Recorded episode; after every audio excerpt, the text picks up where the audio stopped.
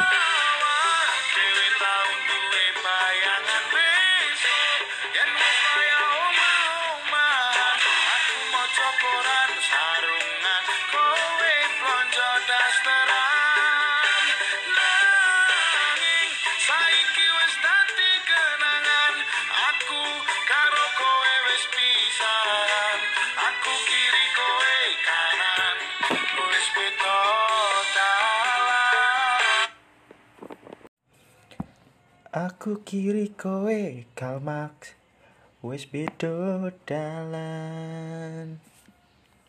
Assalamualaikum warahmatullahi wabarakatuh. Ya Jadi kalau ngomongnya agak terbata-bata Sorry banget nih. Karena baru aja kekenyangan.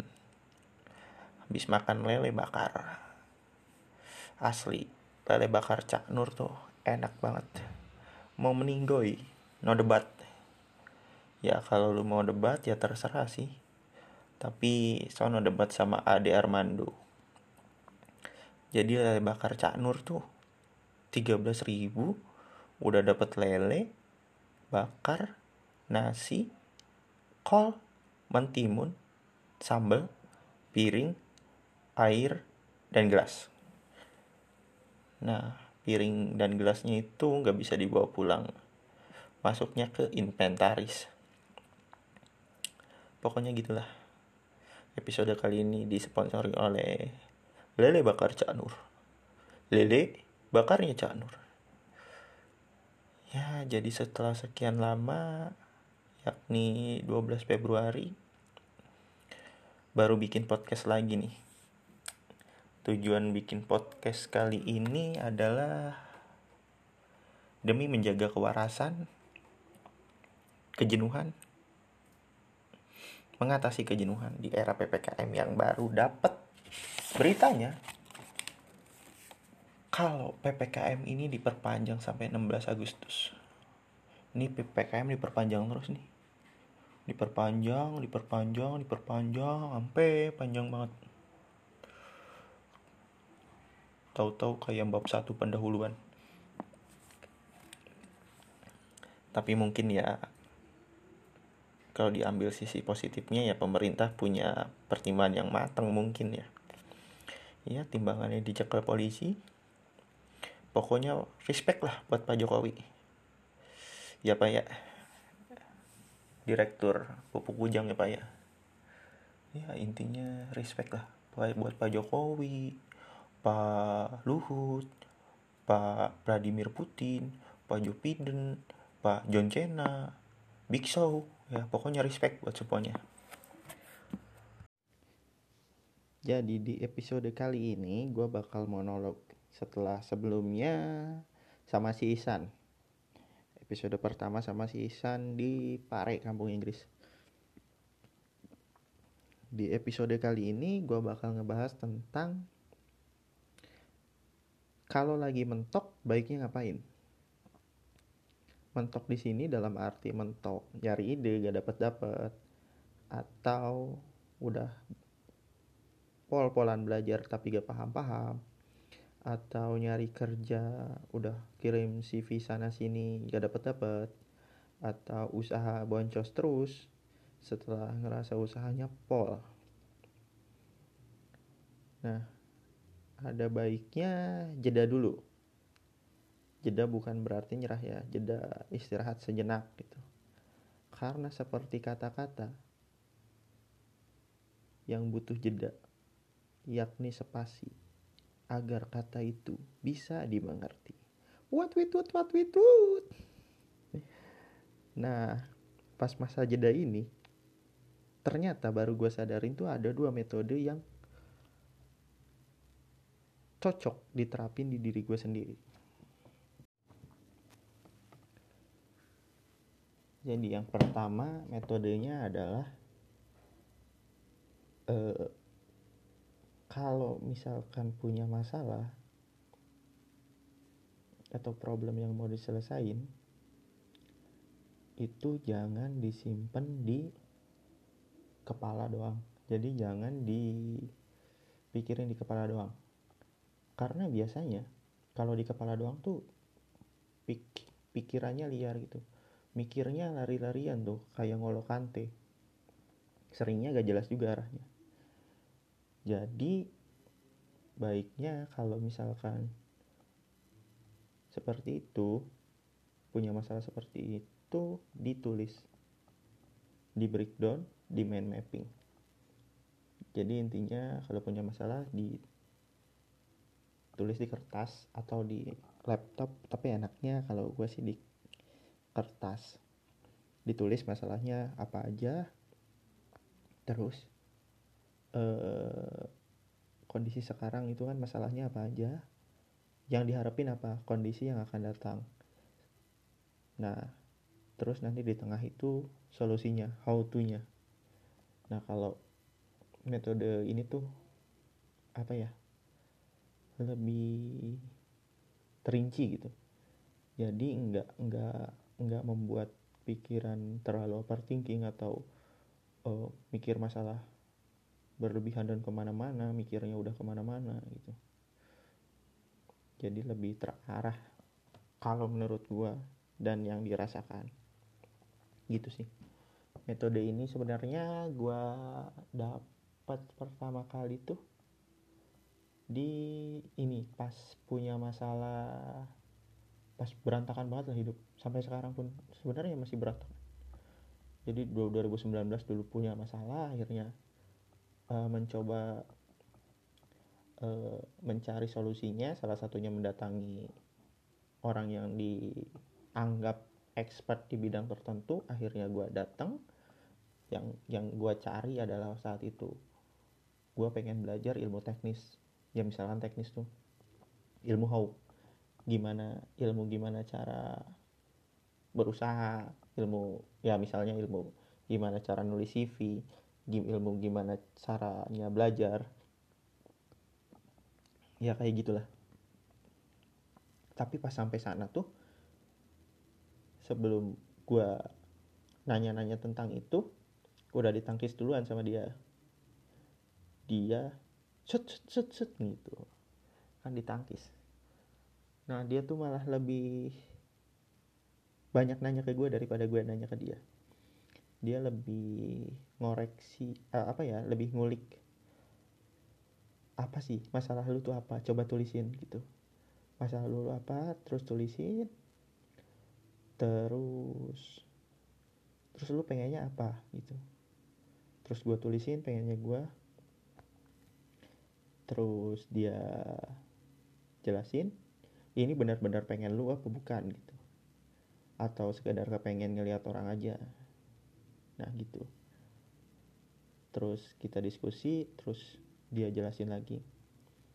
Ini haunya caranya gimana supaya nyampe ini? Tulisin juga terus gue tulis. Nah terus berujung di akhir. Ini harus ada punishment atau reward supaya ini gak cuma di teks doang tapi lu bakal ngejalanin gitu. Akhirnya ditulislah teks atau eh ditulis teks tentang punishment dan reward. Yang perjanjiannya ya tentang sama diri gue sendiri juga gitu.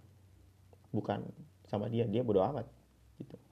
Maksudnya tuh dia bodoh amat hidup hidup lu ngapain gue ikut ikutan punishment atau ngeriwet gitu ya yang gue dapat dari situ tuh kalau how apa ya kalau why why-nya udah dapat kenapanya udah dapat kita jalan how-nya biasanya nyari nyari sendiri gitu lebih lebih ngotot nyarinya gitu. Yang gue rasain gue kebanyakan nyari how how how how tapi gak tahu kenapa gue nyari ini nyari itu why-nya tuh nggak tahu gitu atau sekedar materi atau sekedar penasaran gitu. Why why-nya tuh kurang. Ada statement siapa ya waktu itu ngomong? Kalma kah siapa? Vladimir Putin apa siapa? Gue gue lupa. Pokoknya kalau kenapanya beres haunya bakal ikutan beres gitu. Ya keren ya. Udah kayak filsuf Yunani kuno belum gue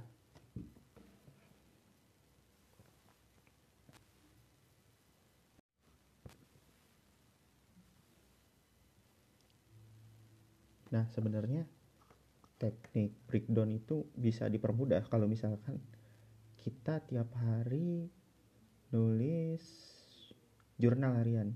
Ah, udah ngapain aja, progresnya apa aja, segala macam gitu. Cuma ya tantangannya ada di konsisten nah ini. Konsisten ini teh uh, suatu tantangan tersendiri. Jadi udah ada masalah ada masalah lagi lah. Tapi itu mempermudah. Nah cara yang kedua adalah metode yang kedua adalah yang ternyata cocok di gua adalah pergi ke suatu tempat dan ngobrol random sama orang random juga. Atau pergi nemuin orang yang dianggap expert kayak tadi. Tapi yang kali ini yang mau gue bahas adalah pergi ke suatu tempat dan ngobrol random sama orang random juga. Nah ada tiga kejadian sih yang paling gue inget pertama tuh waktu 2019 waktu gue punya problem tentang gak percaya kepada siapa pun. Karena suatu masalah gue gue gak percaya kepada siapa pun jadi kalau ada orang baik gue nganggapnya kedok doang paling paling dia jahat juga gitu. Tidak baik juga. Nah ketika itu 2019 uh, eh, setelah jenuh tidur terus di kamar akhirnya memutuskan keluar dan akhirnya keluar ke sebuah forum ke Jakarta dari Karawang eh dari Cikampek ke Jakarta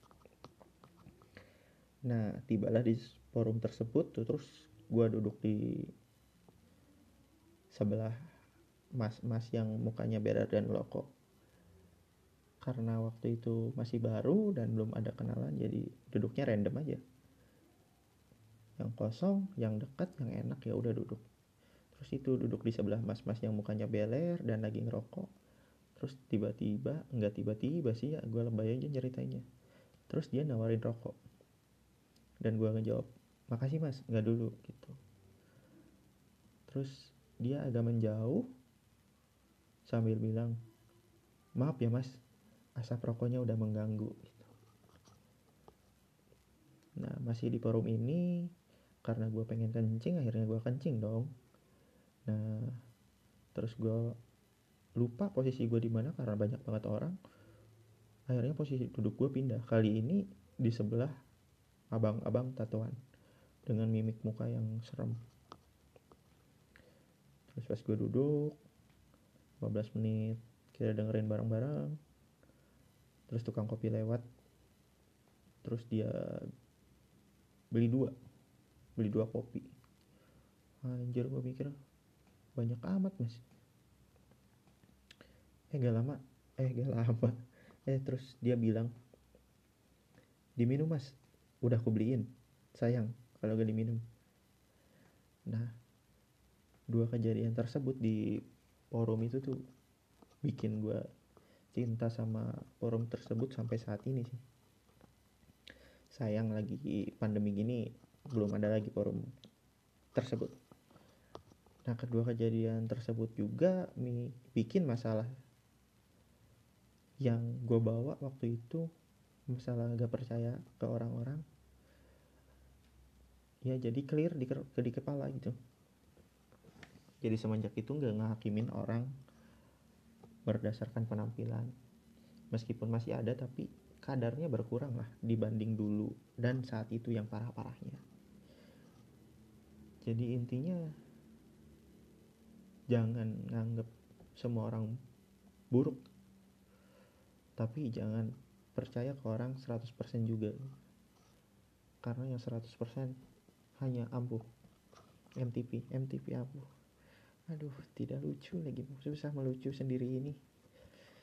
Nah pokoknya kayak kayak gitulah. Satu kejadian tuh. Kejadian kedua tuh gua di tahun ini di bulan April. Nah gue tuh kemarin tuh kali ini masalahnya di mumet soal usaha. Ya lagi lagi lagi mumet-mumetnya lah. Terus gue ke pantai karena diajak teman kita ke pantai.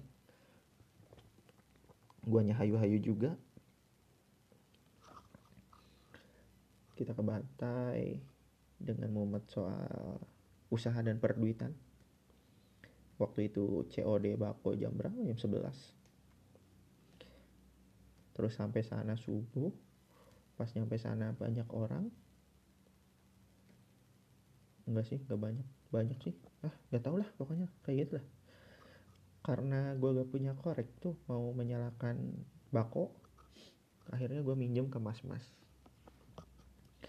Ternyata dia bisa tahu bako dari baunya. Ya wajar sih. Bukan sesuatu keterampilan yang istimewa ternyata doi bako mania juga. Akhirnya gue ngobrol sama dia. Dengan membakau bersama-sama berjamaah. Terus akhirnya ngobrol basa-basi gitu. Mas lagi apa? Gitu. udah makan belum? Terus akhirnya cerita ke sana kemari. Dan cerita kalau dia ke sini sama teman-temannya cuma modal bensin dan uang pas-pasan. Dan dengan peralatan untuk ngecamp atau untuk main ke pantai pas-pasan doang. Terus gue nanya kan nah baliknya gimana mas? Kayaknya cukup dah bensin buat balik gitu. Huh, ya intinya gitulah.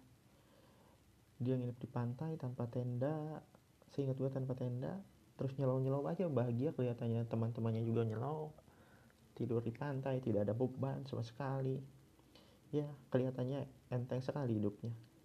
Tidak berpikir panjang. Tapi dia juga ada ikhtiarnya kok. Tidak pasrah begitu saja. Dia buka angkringan. Pas gua tanya alasannya kenapa mas? Buka angkringan. Alasan dia tuh karena habis lulus nyari kerja susah e, ijazah masih diurus ya udah jalanin yang bisa dilakuin aja. Seenggaknya ada buat makan main dan beli rokok.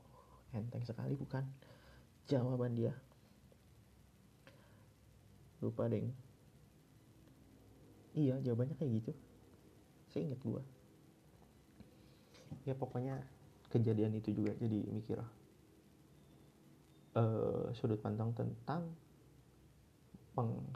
menanggapi masalah dan menanggap um, sudut pandang tentang enteng atau bahagianya hidup. Pokoknya gitu. Jadi gue balik lagi dengan perasaan bersyukur yang lumayan dibanding sebelumnya. Sebelum bertemu mas-mas itu. Yang terakhir kejadian tuh Juni kemarin. Gue main ke tempat kopi itu ngobrol sama pemiliknya kepo nanya. Oh iya kopi ini tuh yang ini yang namanya klinik kopi. Dia kemarin main sama tem teman ke sana. Dia tuh yang itu yang syuting ADC ada apa dengan Cristiano Ronaldo? Nah pokoknya gitulah. Terus gue nanya Mas kenapa gak buka cabang gitu? Sebenarnya pertanyaan ini udah banyak yang ditanyain ke dia. Cuman gue pengen ngulik. Mas kenapa gak buka cabang franchise dan lain-lain?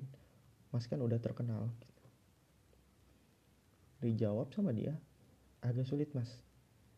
Selain itu ini udah cukup buatku. Aku buka kedai di rumah jam 4 tutup kumpul sama keluarga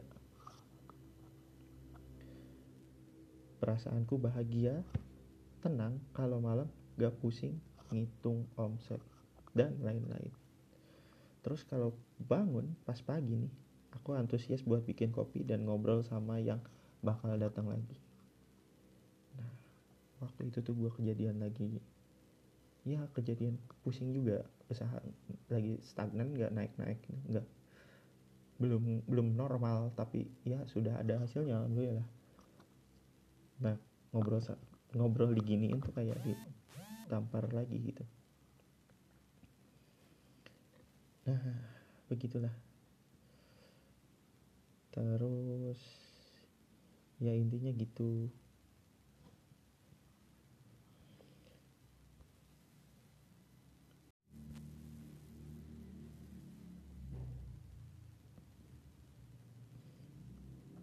Nah intinya gitu sih eh ketemu sama orang yang random.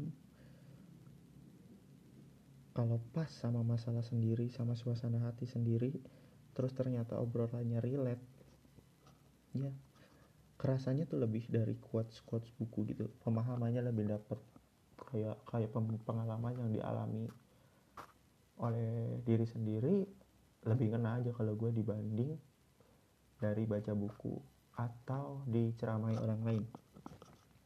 Ya bukan berarti mengesampingkan buku dan ceramah orang lain.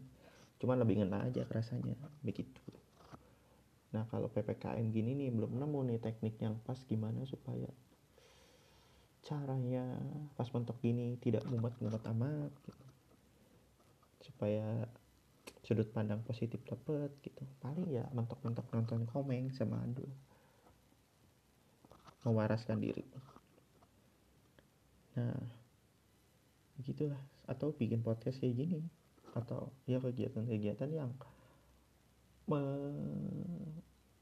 me apa ya me, mengobati kejenuhan.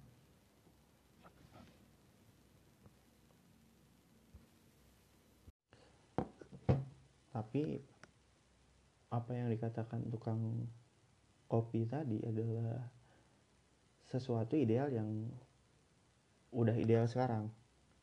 Kayak iyalah enak dia privilege segala macam bla bla bla bla gitu. Ya wajar aja dia bahagia karena tuh kopinya sudah rame. Nah gue juga nanya soal itu. Pas nanya soal itu dia jawab dulu juga aku agak langsung jual kopi mas. Dulu aku buruh kok buruh pabrik gitu sambil kerja juga aku.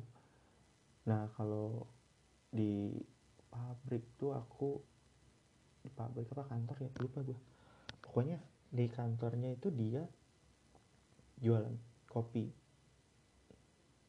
Eh sorry dia bikin kopi karena temannya ada yang buat kopi gitu. Dia nyoba-nyoba akhirnya dia tertarik akhirnya dia sering bikin jualan kopi akhirnya di kantor terus pas balik juga mulai garap jualan kopinya.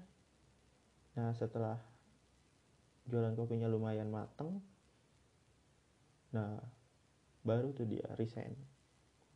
Ya intinya ada inilah ada proses yang jarang orang-orang lihat. Ya gitu untuk mencapai posisi ideal yang diinginkan biasanya tidak ideal terlebih dahulu. Yang penting bahagia saja. Mensyukuri saja dan itu yang tidak gampang.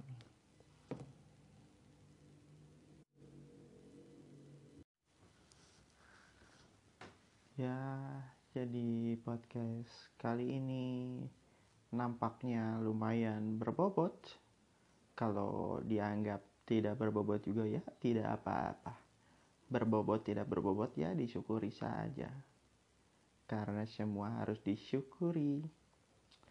Oh iya itu apa yang disampaikan tadi dengan pemahaman gua saat ini. Kalau misalkan nanti berubah ya wajar karena manusia berkembang.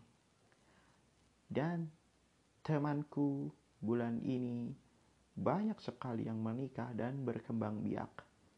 Semoga sakinah mawadah warohmah. Amin. Jadi dua metode tadi semoga bermanfaat ya. Kalau bisa dipakai ya alhamdulillah. Kalau tidak bisa ya masih banyak metode lainnya. Ada yang kalau mentok ini apa sih namanya itu sholat ada yang sedekah ada yang mengaji ada yang sholat hajat ada yang ya banyak lah. Pokoknya yang kayak kayak gitu banyak. Tapi saya tidak mau bahas karena tidak berkompeten. Lebih baik anda bertanya dan mengaji kepada Gus Baha, Ustadz Hanan Ataki dan lain-lain yang lebih berkompeten. Kalau yang mau nyoba ya coba aja uh, nulis masalah di buku atau pergi ke tempat random ketemu orang random. Nah cobain aja tuh pergi random ke mana Rusia gitu terus ketemu re orang random tahu-tahu Vladimir Putin. Kan nggak cuman masalah lu aja yang bisa diselesain. Tapi siapa tahu juga bisa dapat solusi tentang mengakhiri pandemi atau pendistribusian vaksin secara cepat di dunia ini. Ah pokoknya gitulah. Intinya semoga bermanfaat episode kali ini. Terima kasih sudah mendengarkan. Yang tidak mendengarkan juga terima kasih. Ya semoga semuanya sehat selalu.